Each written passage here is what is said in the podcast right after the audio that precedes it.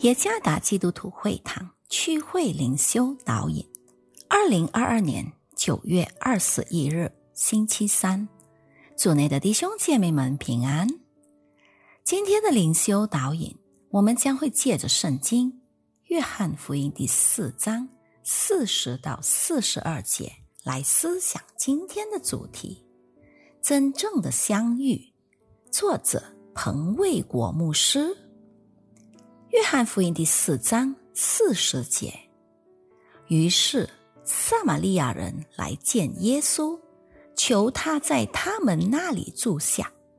他便在那里住了两天。因耶稣的话，信的人就更多了，便对妇人说：“现在我们信，不是因为你的话，是我们亲自听见了。”知道这真是救世主。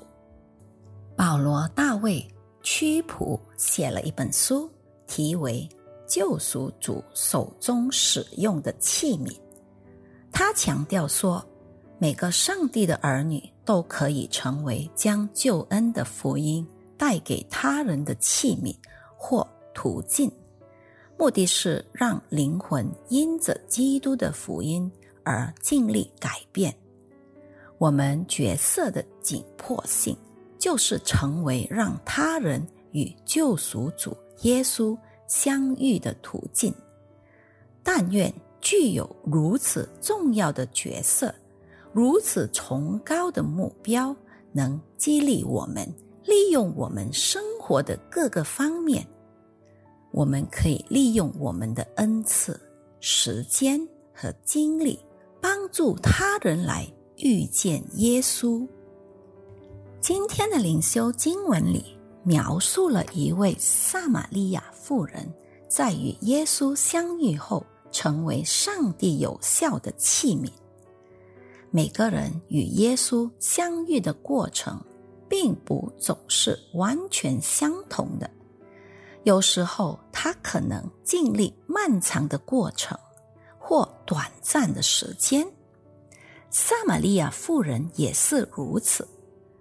她有一次在雅各井遇见了耶稣，耶稣带领她，直到她真正悔改并相信耶稣基督。这位兴致勃勃的撒玛利亚妇人继续见证她与耶稣相遇的经历，参看第二十八到三十节。他经历了基督的救恩和喜乐，他并没有把他所经历的事情保留起来，而是设法带领其他人来见耶稣。结局是如此惊人，许多人因他的见证而相信了耶稣。此外，当他们遇到耶稣时，他们想通过邀请耶稣到他们那里住下，以便更深入的认识耶稣。参看第四十节。约翰在结束这个故事时说：“因为耶稣的见证，更多人相信了耶稣。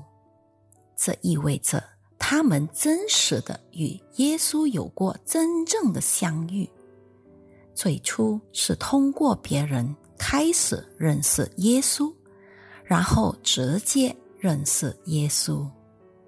每个人都可以成为上帝的器皿，带领他人来与耶稣基督相遇并认识他。我们对基督的认识有多深，决定了我们有多认真为他做见证，使他人与基督相遇。因此，让我们把我们的生活当作带领他人来尽力与基督相遇的器皿。每个信徒都可以成为上帝有效的器皿。愿上帝赐福于大家。